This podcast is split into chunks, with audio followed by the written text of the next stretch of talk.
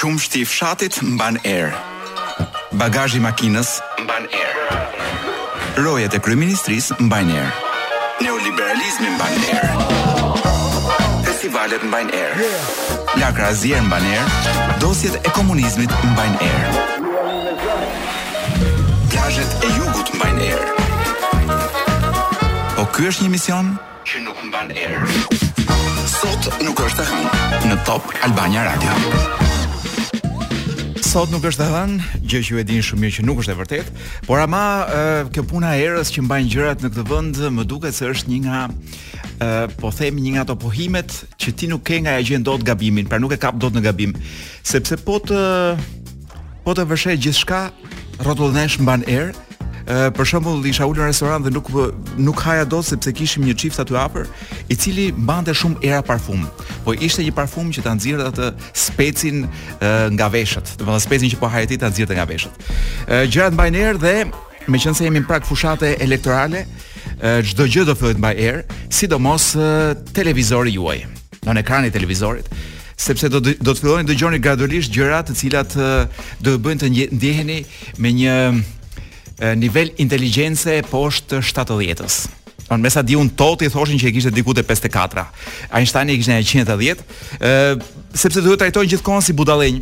Do t'ju trajtojnë si budallenj, për shembull dëgjova një fjalim të mbajtur nga kryetari që thoshte, "Kjo është Tirana jonë që e kemi ndërtuar gjithë bashkë." Po si e ndërtuam gjithë bashkë? Po unë s'kam ndërtuar, domethënë, në këtë vend ndërtojnë vetëm një grup, një grusht njerëzish, pa diskutuar nëse nëse ë uh, ndërtojnë mirë apo ndërtojnë keq nga vin paratë e tjera e tjera, po thjesht po ndërtohet vetëm nga një grusht njerëzish. Si mund ta kemi ndërtuar gjithë Tiranën për shembull?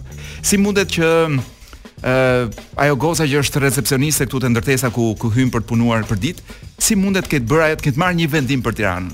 Dhe kush janë këta njerëzit që paskan marrë pra ky popull i madh i Tiranës që paska marrë vendime për Tiranën dhe paska ndërtuar Tiranën dhe doli që gjithë kjo masakër që është bërë e paskemi bërë gjithë bashkë.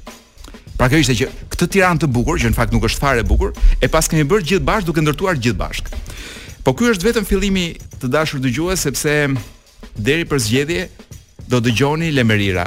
Do t'ju duket vetja sikur nuk keni mbaruar akoma të tretën fillore. Do, do, do vazhdojnë t'ju trajtojnë për budallenj. Megjithatë, në këtë Tiranën e shëmtuar, të shëmtuar nga brenda, them, se nga jashtë, çdo turist që vjen thotë, bo, bo, bo, si qenka, si Singapori. Në këtë Tiranën e shëmtuar, herë mas here ndodhin gjëra të bukura, dhe një nga gjërat e bukura ishte një koncert i një prej muzikantëve më origjinal dhe më simpatik të të Italisë që është Vinicio Capossela. Është ishte një koncert i ndarë më dysh mes Shkodrës dhe Tiranës. Ë një nga gjërat që më bëri shumë përshtypje, përshtypje ishte që njeriu që sillte drejtori i Institutit ë italian të kulturës në Shqipëri mbajti edhe një fjalim aty ku gjysma e fjalimit ishte falënderime për institucionet shqiptare. Pra dhe italianët e kanë kuptuar që po nuk falënderove 100 herë, institucionet nuk të japin leje, se nuk besoj se japin para, nuk të japin as leje për të kryer një aktivitet. Pra e kish kuptuar dhe italiani. Por koncerti ishte i jashtëzakonshëm. Ishte një ngjarje shumë e bukur që të shkëpuste nga Tirana dhe të çonte ku s'të çonte. Domethënë kishte momente jazz, kishte momente folk, kishte momente ë cigane, kishte nga të gjitha. Kishte edhe njerëz që tentuan të kërcejnë. Imagjino, në një vend ku askush s'kërcen. Dhe në nder të këtij eventi të madh që un pata rastin e rrallë të marr pjesë, Fare pa dashje. Kuvendi mban erë, po kryesisht kur ka njerëz brenda. Se kam qenë edhe në rast kështu, po themi në rast ditë të diele, një rast ditë pushimi dhe nuk mbante erë, për fat të mirë. Ë jemi tek pjesa ku i bëjmë një pasqyrë lajmeve të javës kaluar. Çfarë kemi këtu? Lajmi që mua m'u duk më simpatiku ishte deklarata e doktorit që tha për kryeministrin se ka fluturuar me charter deri në Florida për të parë ndeshjet e NBA-së. Ëh, sigurisht është për dy gjëra është lajm i mirë, madje do thosha hallall e ka NBA-n, sepse mund t'i shkonte mendja të sillte edhe gjithë NBA-n këtu për ta parë këtu domethënë. Ëh, dhe më mirë të shkojë dhe shohi NBA-n sepse se sa ta përdorte charterin për të pirë kafe me Vuçiçin apo edhe me shoferin e Erdoganit, sepse kam dëgjuar që Erdogani vetë nuk para e qas shumë. I nxjerr shoferin dhe i thot, "Shko merr vesh ça do ky byrazeri jonë." Ë dhe në përgjithësi nuk i del vet asnjëherë. Dyshoj që i vë dhe sozjen sa për foto. Fotot e ke parë ku kryeministri rrinte kështu si i mbledhur nga frika, domethënë aty, ai tjetri rrinte shtrirë si pasha, byrazer, si më thënë. Po byrazer ku njërit nuk i duket dora dhe asaj dore nuk i duket njëri gisht. Shqiptarët nuk heqin dorë lehtë nga një vend pune, kohëzgjatja që e ka mbi mesataren e BE-s. Është lajmi, u përpoqa ta lexoj dhe ta sintetizoj, po u lodha. Kështu që po i bie shkurt, e, ne nuk heqim dot lehtë dorë nga një vend pune. ë sepse thjesht kemi probleme me internetin në punë dhe jo për arsye ekonomike siç mund të spekullonin zëra të këqinj. Zëra të liq. Dhe ja një lajm tjetër gazmor, fermerët në Vlorë i vjelin vetë ullinjtë. Pra ky duhet të jetë kulmi i tmerrit në Vlorë. Të vjelësh vetë ullinjtë e tu. i vjelin vet ullinjtë e këtu është ajo emoji kështu që është si me njeri që qan domethënë do marrin punëtorë nga Afganistani kjo është deklarata bombë meqenëse fjalën bombë ku s'e përdorim ç'të them edhe fermerët e Vlorës do t'i zëvendësojnë shqiptarët me afganë dhe me nepalezë ë nuk e di këtë këtë politikë Shumë shpejt do ta shohim. Megjithëse desha të thosha diçka për parlamentin, po ç'do donte një afgan të bëhej deputet në Shqipëri. Nëse mos do e linin të vidhte afganin për shumë. Afganin do e donin vetëm sa për vota. Dhe po të jetë puna për atë, unë mendoj që afgani i shkretë mund të jetë uh, më i respektuar si një furrxhi në Gjermani, sesa një deputet uh, vetëm për të ngritur dorën në Shqipëri. Ë kemi këtu të bllokuara 450 kg mish pule me të vjetrat, i cili, siç thuhet këtu, përdorej për sufllaqe në Tiranë dhe mbahej në garazh makinash. Ky lajm më bëri pak për të qeshur se kuptova që fjala sufllaqe ka dhe një kuptim të dytë. Don ka dhe një kuptim të parë, që është e ngrëna e sufllaqeve që mbajnë erë. nuk e di a e keni vënë re edhe ju, po ka shumë pika shpërndarje të sufllaqeve që mbajnë një erë që të të vjen domethënë të mos hash jo jo më sufllaqe, po të mos hash në përgjithësi për ja dy javë. Çfarë kemi tjetër këtu? Ë në lidhje me inovacionin, Shqipëria qenka shumë poshtë mesatarësh mesatarës europiane dhe kjo është normale sepse ë është dhe politika e qeverisë që të mos kemi inovacione. Ë domethënë Ja, sa të mbarojë kjo puna e piramidës këtu që të fillojnë inovacione. Dhe është politika e qeverisë që gjithë njerëzit që kanë koeficientin e inteligjencës mbi 100, t'i detyrojë që të shkojnë jashtë shtetit. Dhe këtu të rrinë të gjithë delet. Dhe lajmi i fundit nga këto të brendshmet, Benzi paska marrë përpara delet në Devoll, paska shtypur 30 krerë. Në fakt është mund të ishte edhe pak tragjik si lajm për jo vetëm për krerët, por atë zotrin që ia kanë shtypur. Por Nuk mund të rri pa thënë që mund të jetë edhe ndonjë formë e padëgjuar kurbani. Si me thënë ka thënë ndonjëri, dua të përuroj benzin e ri. Si t'ia bëj që ta përuroj duke duke therur ndonjë kafshë. Edhe sigurisht të del fati nëse ecën në rrugët e vdekjes në Shqipëri.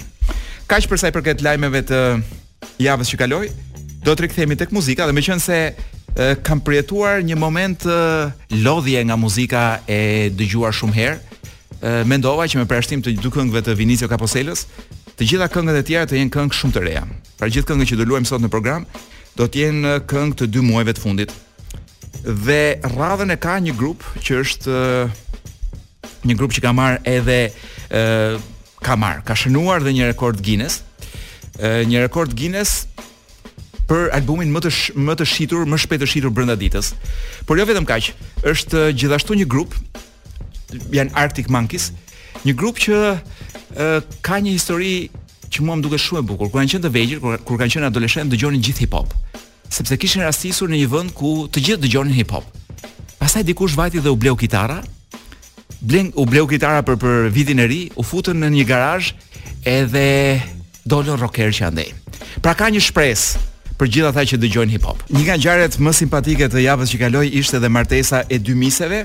Ishin në mos gaboj ja ta gjej ku e kam këtu Miss Miss Miss Argentina dhe Miss Puerto Rico të cilat të dyja bashkë ishin njohur në gjëra që na ndodhin të gjithëve kur marrin pjesë nëpër ë nëpër konkurse bukurie. Dhe tashmë janë martuar, mund t'ju ketë bërë ndoshta përshtypje, një gjë që s'duhet t'ju bënte përshtypje që e, në gjithë fotot e tyre të dasmës e tjera tjera ishin të rrethuar nga familja e tyre. Pra një familje që i do pavarësisht zgjedhjes së tyre. Ndryshe nga këtu që do ishin bërë hasëm me gjithë fisin. Dhe duke marrë shkas nga kjo ngjarje kaq e bukur e, e, për botën e erotikës dhe për ëndrrat e gjysmës së meshkujve shqiptarë, gjysma tjetër sheh ëndrra me politikë, Do t'ju japim 10 avantazhet e të martuarit me një mis, të cilat i ka përgatitur kolegu im Florenc Zerellari që është dhe skenarist ndër tjera.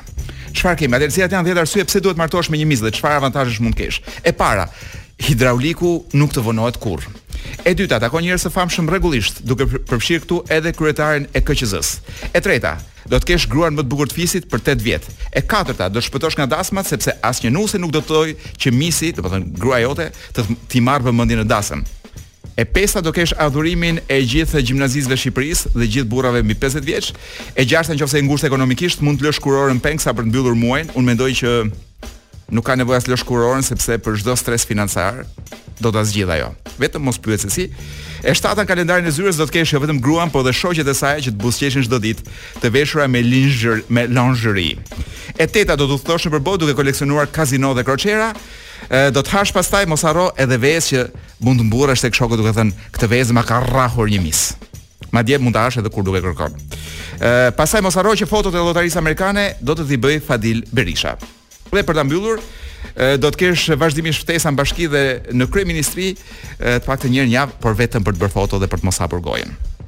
Kaq për sa i përket 10 avantazheve të të martuarit me një mis, do t'ju lëshoj një këngë që është një këngë e këtij viti, siç thashë gjitha këngët i kemi taze, Është një këngë e dalë në janar të këtij viti nga një muzikant ukrainas që e kemi luajtur dhe e kemi lodhur këtu në emisionin tonë. Por jo vetëm kaq, kjo kënga është rimarrë dhe është ripublikuar nga një grup artistësh francez. Është mundësuar nga UNICEF-i dhe po përdoret si një mjet për të për të tërhequr ndihma për fëmijët për UNICEF-in. Vesna Mirabo, Okean Elzi dhe nja 100 francezë të tjerë. Dhe ky është momenti kur uh, mbaj në dorë librin, libri i kësaj jave, që kemi nisur para një jave, është aksidental në këtë studio. Do është një libër që kam blerë pa njohur as kush është shkrimtarja dhe as çfarë ka brenda, por lexova këtë titullin provokator, kërkohet një burrë impotent dhe thashë, Ky është libri që na duhet për në radio. Ky është një libër dinamit simbas telegrafit. U informova dhe ajo që ka shkruar është një gjermane, zonjë grua. Ë është një bestseller, ka shitur ku di unë, miliona kopje në Gjermani, po edhe jashtë Gjermanisë përkthyer edhe në anglisht. Në Britani ka bërë namin, edhe në Amerikë me sa di unë është pritur mirë, do sa ç'mund të pritet një libër me titullin kërkohet një burrë impotent. Është historia e një zonje 35 vjeç, e cila ka vendosur të lidhet vetëm me burra impotentë sepse po kërkon dashurinë e tjera tjera. Dhe nuk është vetëm kjo, por është një grup vajzash aty. Kemi Carmen që është personazhi kryesor, po kemi shoqen e vet, po kemi një komshie, nja 100 vjeç atje, ë nga këto që japin gjithmonë mendje për jetën. Ka dhe psikoterapeuten, terapeuten e vet. Si me thënë, ka gjithë gjëra që i duhen për të qenë ë një Sex and the City, po i shkruar, domethënë në letër, jo në video. Dhe unë po e shfletoj ë jam në faqen 268 të lexoj dhe botuesin. E ka përkthyer Nikolla Sudar, botues Onufri. E për çfarë biseduat atë mbrëmje ju të dy, Elvira? Vetëm për të kaluarën dhe të ardhmen? Carmeni ndez qiririn që ndodhet mbi tavolinë në një shandan të thjeshtë prej argjendi. Elvira shkëput vështrimin e saj nga fotografitë. Për të kaluarën, vetëm për të kaluarën. U përpoqëm të rikujtonim ngjarjet e dikurshme dhe për këtë kam folur. Më pas biseduam pak edhe për jetën e përditshme. Elvira ndalon sepse në heshtje po afrohej Williami me tavolinën e lëvizshme të shërbimit. Ai u shërben çajin me biskota, vendos zilen e vogël prej argjendi mbi tavolinë, nëse do të kishin nevojë për shërbimin e tij dhe përsëri largohet. Me lëvizje të pasigurta Karmeni hedh 3 lugë sheqer në filxhan nga një kuti e vogël argjendi. Ai ka folur për impotencën e vet me ty, ndërsa mua nuk më ka përmendur. E çuditshme, Laura i hedh një vështrim sikur do ta pyesë nëse është në rregull nga mendja. Por ka dhe dallime. Te ti ai sheh gruan që dëshiron, kurse tek Elvira, gruan me të cilën mund të bisedojë dhe së cilës mund t'i qajë hallet. Kjo besoj se është e qartë. Hmm. Carmeni pi ngadalë një gllënjkë nga filxhani prej porcelani të hollë. Sido që të jetë, unë e di që u bënë prej 5 vitesh që është impotent. Por nuk jam informuar nëse e ka organike apo psikike. O perëndi kërcen Elvira duke kafshuar biskotat. Po unë s'e kam pyetur me aq hollësi. Tamam te temë për çaj kemi zgjedhur. Si çdo temë tjetër i përgjigjet e mërzitur Carmeni. Tani kemi kohë që përfundimisht të bisedojmë për të. Megjithatë mund të flasim edhe për motin. Po shfletoj një dy faqe më andej ku kemi tashmë një bisedë të Carmenit me me Laurën, shoqen e vet. Ë, uh, si me thënë, tek për tek. Ë, uh, prit ku e kisha këtë faqe këtu. Po. Çfarë do të bësh sonte i drejtohet Laura Carmenit pasi kapërcejnë portën e cila mbyllet automatikisht pas tyre. Atë që kisha parashikuar do ta kaloj mbrëmjen me Davidin. Po ti? Po shkoj në shtëpi, mbase më ka ardhur ndonjë mesazh. E ke fjalën për Frederikun. Dhe Carmeni e vështron me bisht të syrit. Mirë do të ishte. Tund kokën Laura dhe të dyja në heshtje vështrojnë jashtë. Sa shumë ndikuaka potenca te psikika. Mirëpo femrat mezi e kuptojnë këtë. Laura vështron Carmenin. A mund ta imagjinosh se një mashkull i vërtetë, madje edhe ai me shtatin prej 180 cm, varet nga ai poshtë, që është i gjatë 8 deri në 15 cm? Këtë nuk mund ta kuptoj. A nuk është çmenduri? Shiko kush flet. A nuk ishe ti ajo që i jepje kaq shumë rëndësi atij 15 centimetërshit? Ia kthen kjo tjetra. Ndoshta sepse ndoshta sepse asnjëherë nuk e kam menduar thellë. E përse do ta vrasë mendjen njeriu edhe për gjëra të cilat sidoqoftë funksionojnë?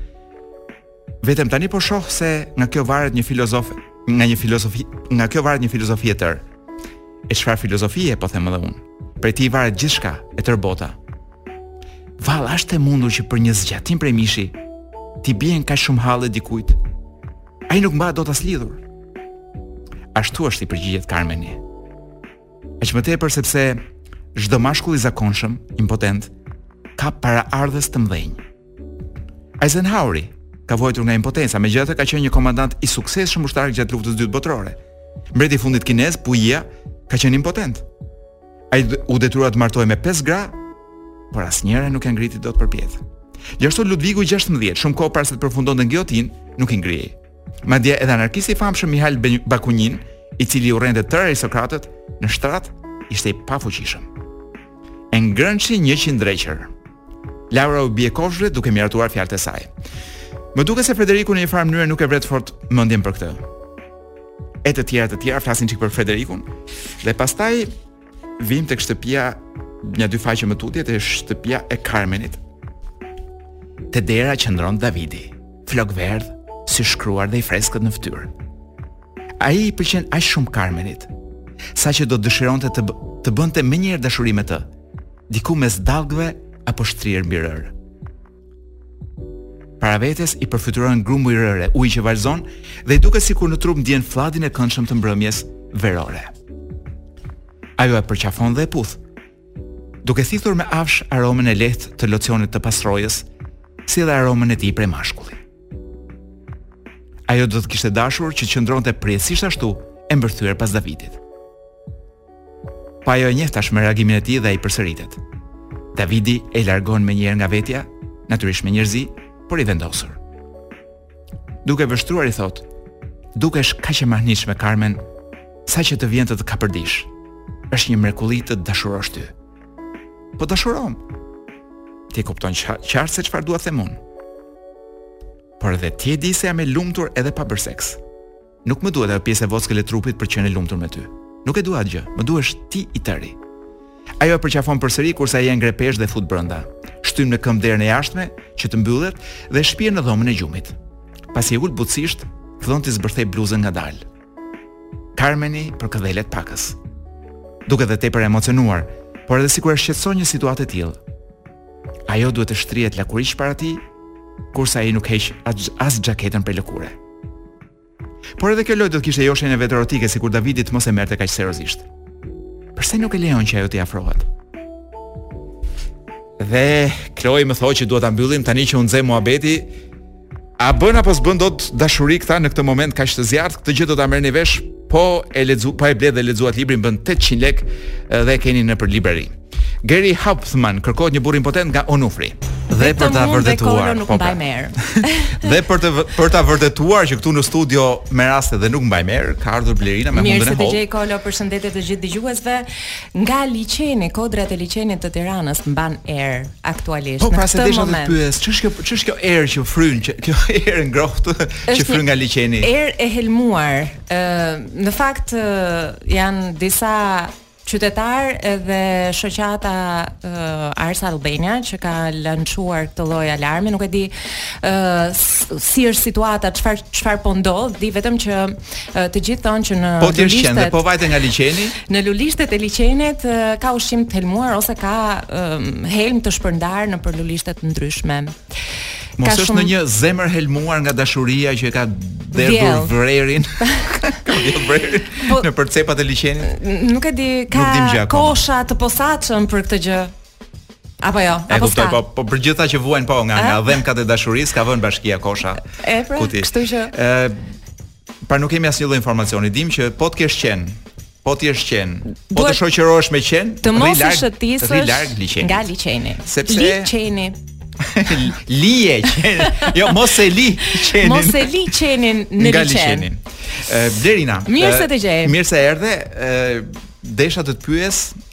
për atë eksperiencën e përbashkët që kemi pasur dje A, në koncertin e Vinicio Kaposelës. Nuk e diskutuam dot live sepse sapo mbaroi koncerti u shpërndamë shumë shpejt, por të dashur dëgjues. Nga frika policisë. Unë kujtova se ishte data 12 dhe do kishte ndonjë prote... po jo, ti ma jo, sqarove jo, që Kolo, protestat e shtatorit nuk kanë filluar ende.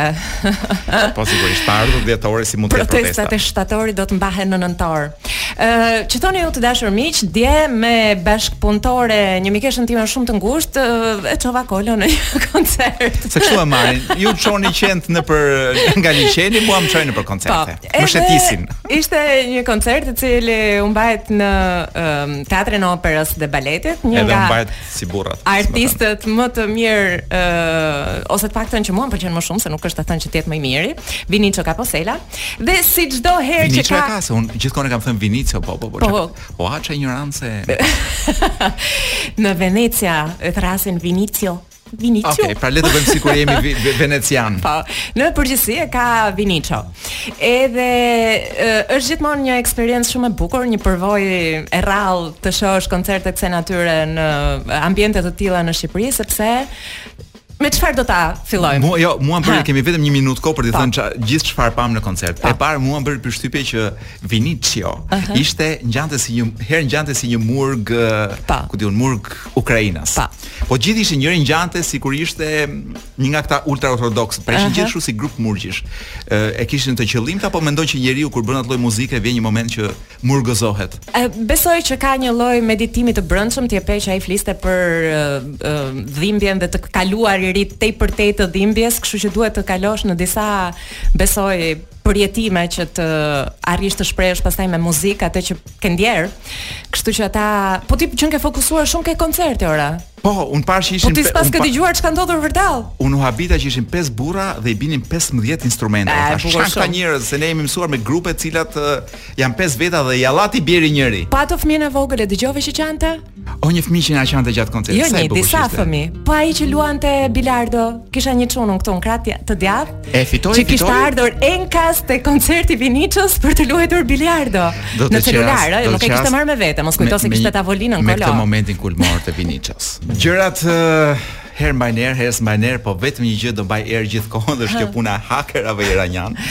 Çfarë ka? Se ne kemi përgatitur, jemi përgatitur për të folur për gjëra gazmore, por nuk mund të rri pa thënë që para një 10-15 minutash kanë nxjerrë një njoftim që do të nxjerrin do nxjerrin një hakerat. Ata ata po, të po, liq. Po, ata që na kanë në dorë. Po, do nxjerrin një bombë, do nxjerrin një bombë nga survejimet e SHISH-it thonë. Oh, sa që. Tash kur iranianët thonë bombë Blerina.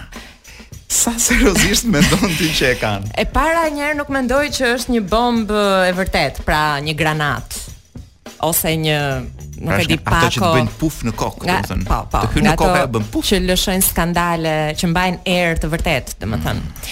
Ë, pastaj Pra do mbajë era skandale thua ti. pse kjo është ë, erëza e preferuar nga andej. Ë, nuk e di ç'të them për këtë punën. M- Më kujtohen vetëm ato promot e, e Shqipërisë dixhitale, vetëm pak muaj më parë E-Albania, Shqipëria dixhitale, vetëm me një klik, nuk do mbani rreth radhë në sportele. Ti qash me lot radhës. As iranianët nuk mbajtën më radhë, ose ishin po vuanin për të marrë informacione dhe thanë, "Oh, më në fund, Shqipëria buzëqesh." Ku m'i gjen lajmet më Blerina? Le të bëjmë një ping pong ngjarjesh gazmore nga bota, thjesht sa për të ngritur pak domethënë. Janë kaq kreative dhe andej o Kolo. Nuk di ç'të them, unë do të të do ta do shkojmë në Kinë direkt, sepse një ngjarje shumë interesante është përcjellë nëpër portale të ndryshme dhe është bërë viral dhe unë mendoj që çdo grua kineze duhet ta dëgjojë me vëmendje këtë lajm. Praktikisht një burrë kinez ka fituar 30 milion dollarë lekë. 30 milionë dollarë lekë në lotari. Me të Kinës, po. Po, me të Kinës. Jo, jo, 30 milionë euro, më fal se e konvertova shumë keq dhe ka vendosur që të mos t'ia tregojë as gruas as djalit të tij. Ka shkuar i veshur si një Ka bërë atë që do bënin të gjithë. As ti nuk do ta bëja? E para, Mendohu mirë. E para ky e dinte që e kishte gruan, ishte gruaja vet apo jo? Po, ndoshta kjo ka qenë arsyeja. Dhe e dyta çuni, po sikur ky mos po sikur çuni mos jetë ai çuni që ky ka dashur gjithmonë. Dhe mase po pret një çun tjetër. Ai në fakt kështu tha. Tha që nuk e di sepse nëse ja jap të gjitha paratë uh, gruas dhe çunit, pastaj do të më përjashtojnë nga jeta edhe do, do bëjnë do bëjnë atë që kanë bërë deri tani, që do bëjnë atë që po bën ky me ata, domethënë. Gjithsesi unë habitem se si nuk e kanë menduar akoma të gjitha gratë këtë gjë sepse është një lajm që qarkullon tashmë në të në të gjithë botën. Pra, e, si nuk e kanë menduar të gjitha gratë çfarë që që mund të jetë pikërisht burri i tyre që që ka fituar. Ka fituar lotarinë, dhe është duke u fshehur një shumë të majme. Sepse gratë punojnë në shtëpi si skllave Gerina, nuk kanë mendje për të parë lajme. Ë, uh, trim te gratë. Aty. Ë, uh, kryeministri polak paska, domethënë Paska grua. Ka një problem ai që mund të ketë, ndoshta edhe grua, besoj se është duket që është burrë zotni nga këta mm -hmm. konservatorët e vjetër. Ë, por ka problemin e, e lindshmërisë së vogël në Poloni. Uh -huh. Ky ja ka vënë faj, domethënë fajin për këtë gjë ja ka vënë grave që pin shumë.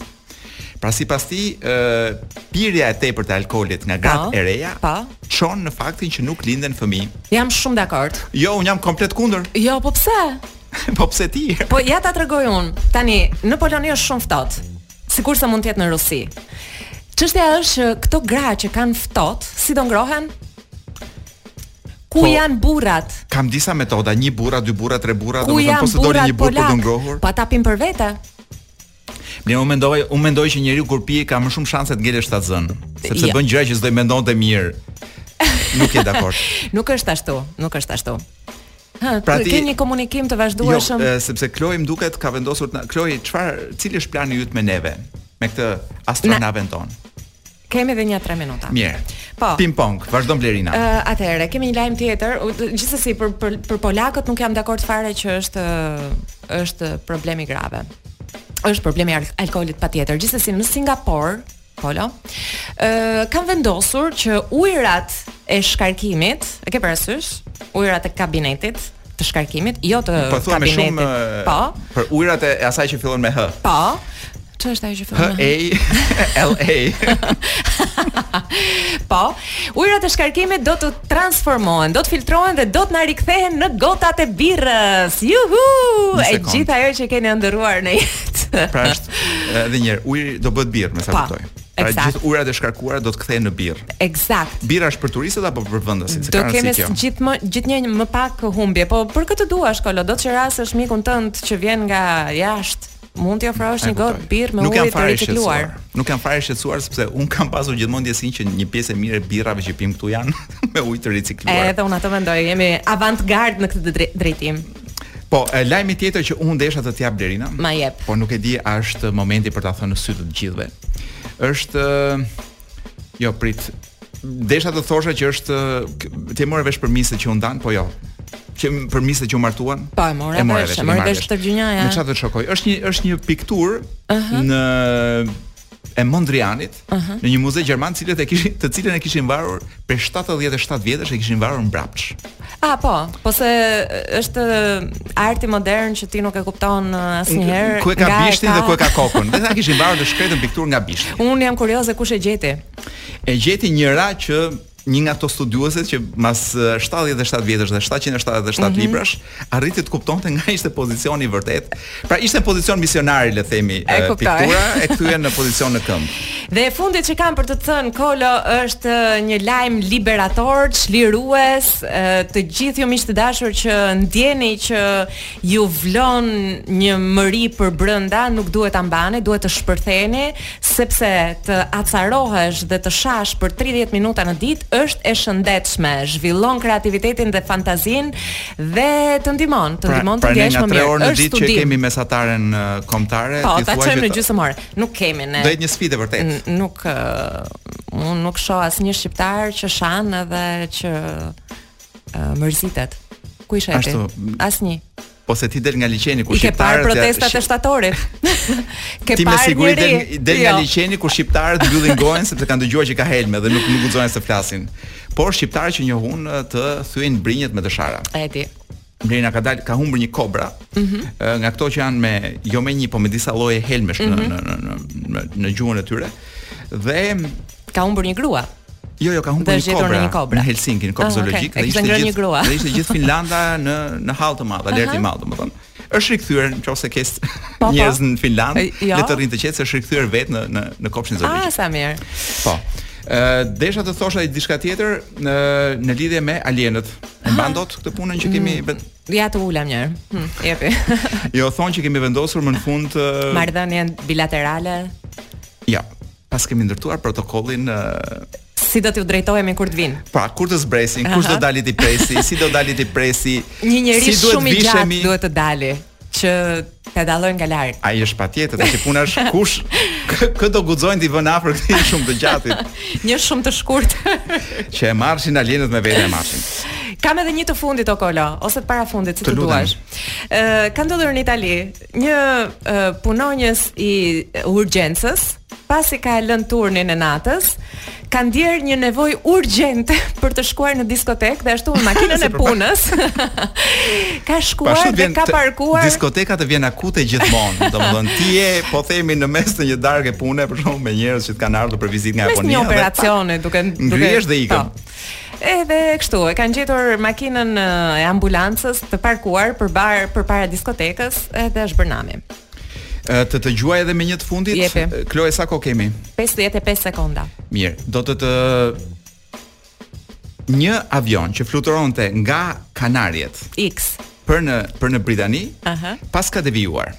Ke 10 mundësi për të gjetur pse ka devijuar, domethënë, pse kanë ulur, nuk mbërriti dot në, në destinacion sepse devijoi Britani. Ë uh... kishte të bënte, kishte të bënte me me pacientët, me don me me pasagjerët e Pra një pasagjer uh, shkoi dhe shtrëngoi me pistoletë në kokë që të ndryshonte nuk ishte tamam pistoletë, po ishin nevoja personale. Pra kishte pasagjerë me nevoja personale, banjat ishin prishur dhe nuk dhe meqenëse pasagjerët kërcënuan që të po fillonin të të shkruanin nëpër muret e avionit, vendosën të devijojnë dhe nuk shkuan në destinacion, zbritën diku për ta gjej po duash po si dhe ku. Po sa po tham që do ta bëjmë birr. E futën në fluturim, po s'e kishin instaluar aparaturën akoma. Aha. Edhe e pas kanë zbritur në Spanjë, pra uh -huh. përpara se të arrijnë në në Britani. E bukur. Që më duket më duket një njerëzillëk që këta njerëz këtu nuk, nuk e merr. Nuk ka pilot që ta marrë përsipër. Që ta bëjë këtë gjë. Tani Blerina do të qeras me një këngë, meqenëse jemi në këtë momentin që neve jemi në këtë ditën që neve kemi vetëm këngë të freskëta. Mm -hmm. Pra janë të gjitha këngë të dala 2 muajt e fundit. Dhe kjo që do të lëshoj tani është një nga grupet e mia të preferuara gjermane. S'ia thua dot emrin ti kësaj? Ma ka mësuar gruaja. AnnenMayKantereit. që mund ta kem ndoshta e kam mësuar dhe gabim. Es ist Abend. Mirë se u riktheve. Po, në fakt po më zinte dhe gjumi. Kush ka zgjedhur atë këngën? Kjo goca është një holandeze që është një nga ato talente të reja, domethënë shpërthime të reja. Po se ç'ka një mënyrë kështu domethënë të Mos ndoshta ka kohë pa bërë seks? Po, se aty do dilja dhe unë, domethënë, si, e, kur është shumë gjatë pa bërë seks? Do të pjesa e po themi edukatën seksuale në radio. 38 orë? Kam kohë që kam dashur ta 38? Nuk e di. Un un po, mendoja që matet me minuta, po. Po them shifra. Apo flasim me shifra. Po. E nuk e di shifrat uh, u futa për të lexuar disa artikuj që thonin gjithë kishin titullin premtues. Sa kohë Pra sa është koha e maksimale që mund të rri njeriu pa bërë seks. Aha.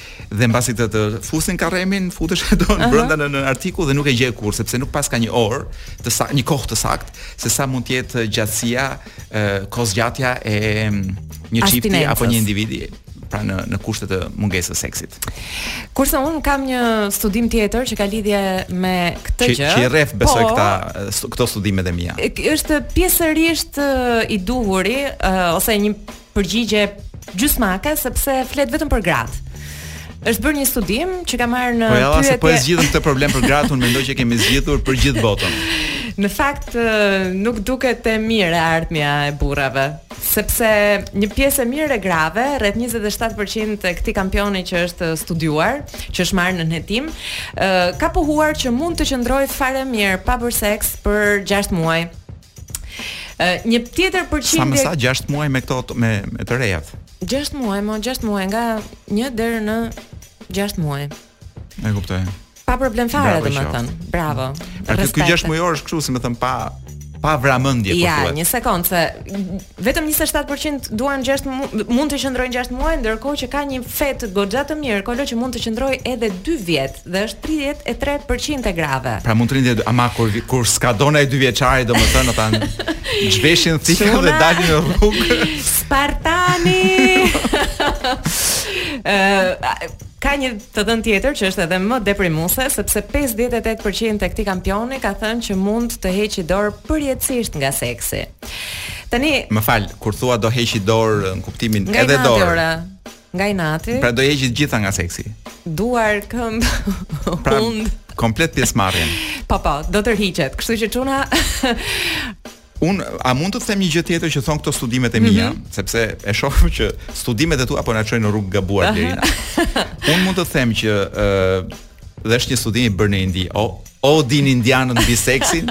Po unë e lexova te gazeta që thotë India Times. Pa, po, bukur. Ku çuditërisht, ndryshe nga ç'mendojmë ne për Indinë, për Lakshmin dhe për gjithë këto gjërat, indianët kanë një kulturë seksuale shumë të hapur. Uh -huh. në në një grup të vogël indianësh. Shumë të hapur në një grup të vogël. Dhe po lexoja për çfarë ndo për shenja që ka njeriu që nuk pa. Po. ka marrëdhënie seksuale për një periudhë mm -hmm. relativisht të gjatë. Po themi këto periudha që the ti 6 muaj, 2 po. vjet, gjithë jetën. Njeriu këtu futen dhe burrat, ë? Këta e kanë po, këta kanë për këta kanë për të gjithë, po unë mendoj që edhe gratë burra janë kështu gjithmonë, jemi të gjithë njerëz në fund të fundit.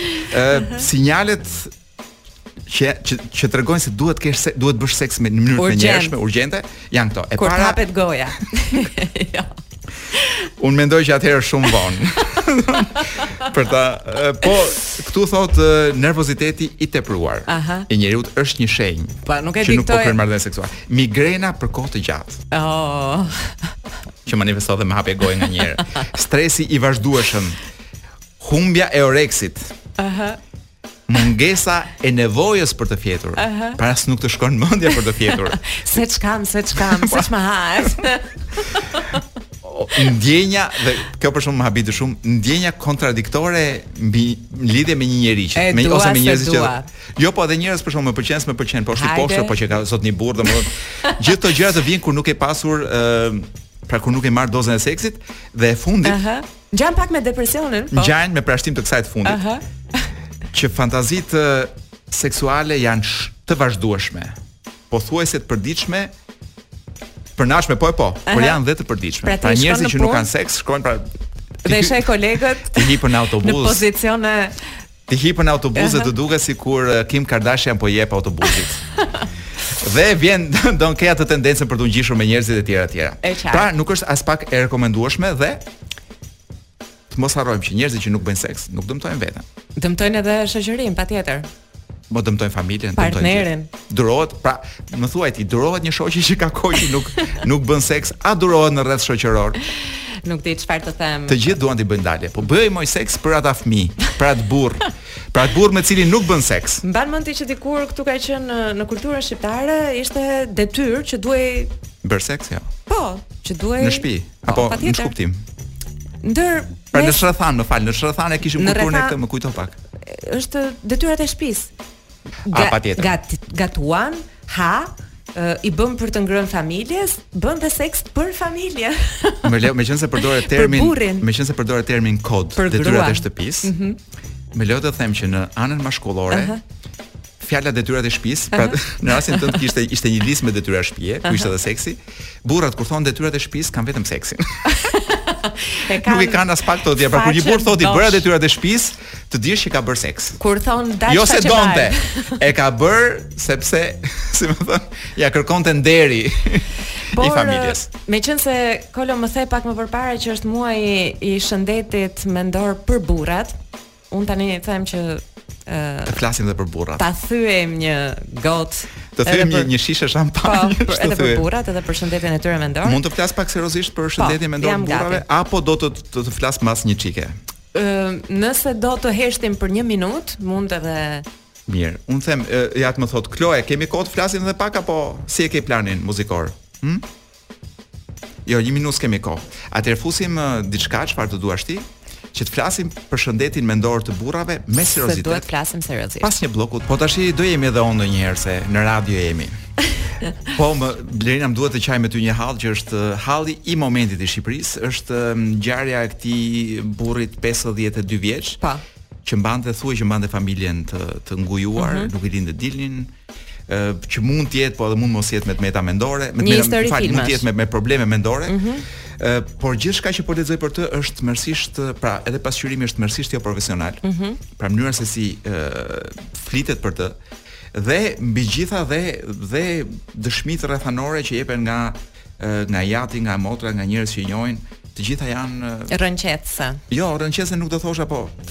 të krijojnë një ndjesi jo shumë të mirë mm -hmm. për të kuptuar se ç'ndodh me Shqipërinë. Për shembull, mm -hmm. nga intervista e të jatit, që sigurisht është një burrë në një hall të madh, sepse mm -hmm duhet të jetë nga ata njerëzit që do donin që gjithë jetën mos dilnin nëpër lajme, jo mm -hmm. për mhm. kësi gjërash, i cili ja do do do kaloj për të vetëm për terminologjinë.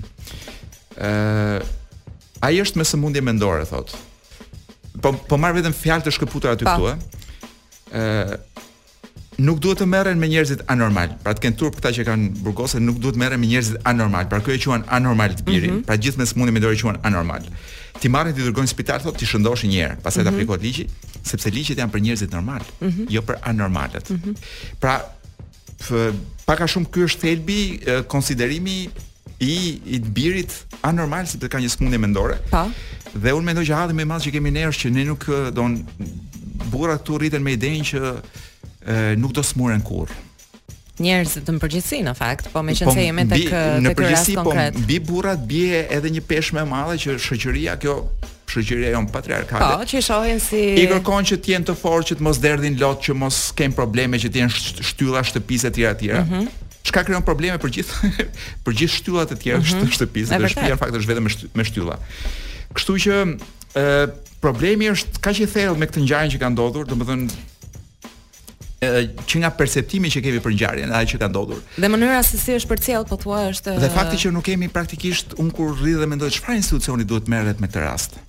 Që ta trajtoj një rast të tillë smundje, të trajtoj familjen, që vjen nga një familje prej 20 vjetësh që nuk ka punuar, që nuk kanë të gjithë ata nuk punonin. E ngujuar pak a shumë. Pra një familje e ngujuar edhe psiqikisht do thoja unë dhe nuk e di se si mund çfarë institucionesh të këtij shteti mund të kemi operative për ta zgjidhur këtë rast unë besoj që është i pazgjidhshëm të njëjtat uh, institucione që merren me të ngujuar të tjerë për arsye të tjera e nuk besoj sepse unë mendoj që këtu do duhet një trajtim më, më specifik mm -hmm.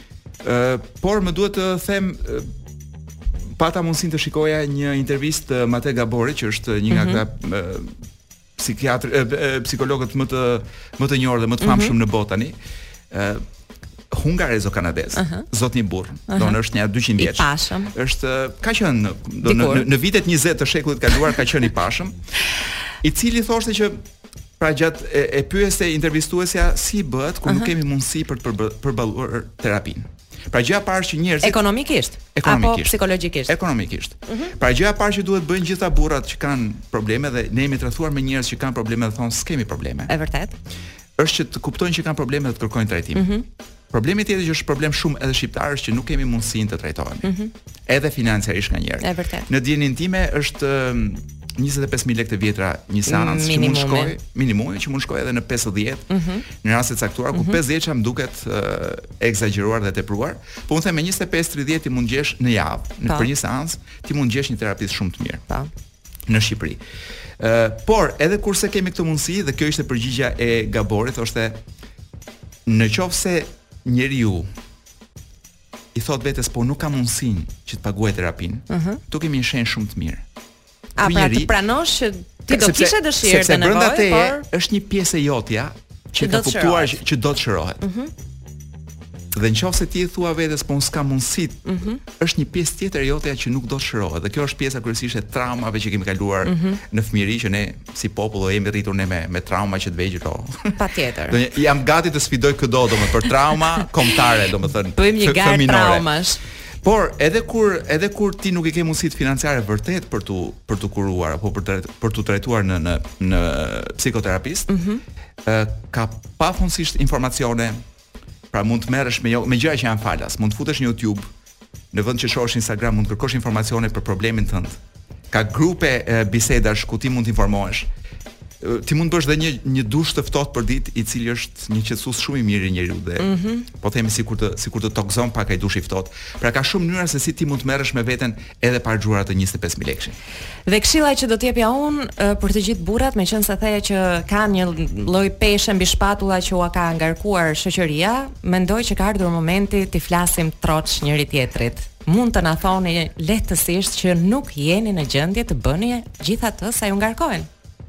Po pra, duhet thon, duhet t'i thoni jo vetes dhe të tjerëve sepse nuk është detyra juaj të mbani peshën e një fisi ka burra unë njoh. Është shumë e thjeshtë. Të cilët kanë përgjegjësi për gjithë gjërat që ndodhin në fisin e tyre. Ku janë këta burra? po, sepse gjithmonë këto fiset kanë gjithmonë njërin që konsiderojnë si të parin e tyre dhe ë dhe si me thënë do donin të kishin një prijës. Është qartë.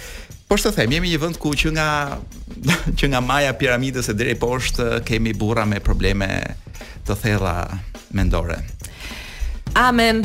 Për të gjithë këta, ë uh, muaji do të ketë aktivitete dhe evente të shumta. Do të ketë mbjellje pemësh nga liçeni me rastin e muajit. Me siguri nuk e kuptoj pse ka një muaj të veçantë për gratë dhe një muaj për burrat, po do ta zgjidhim. Javën tjetër, në të njëjtën studio, në të njëjtin emision. Sot nuk është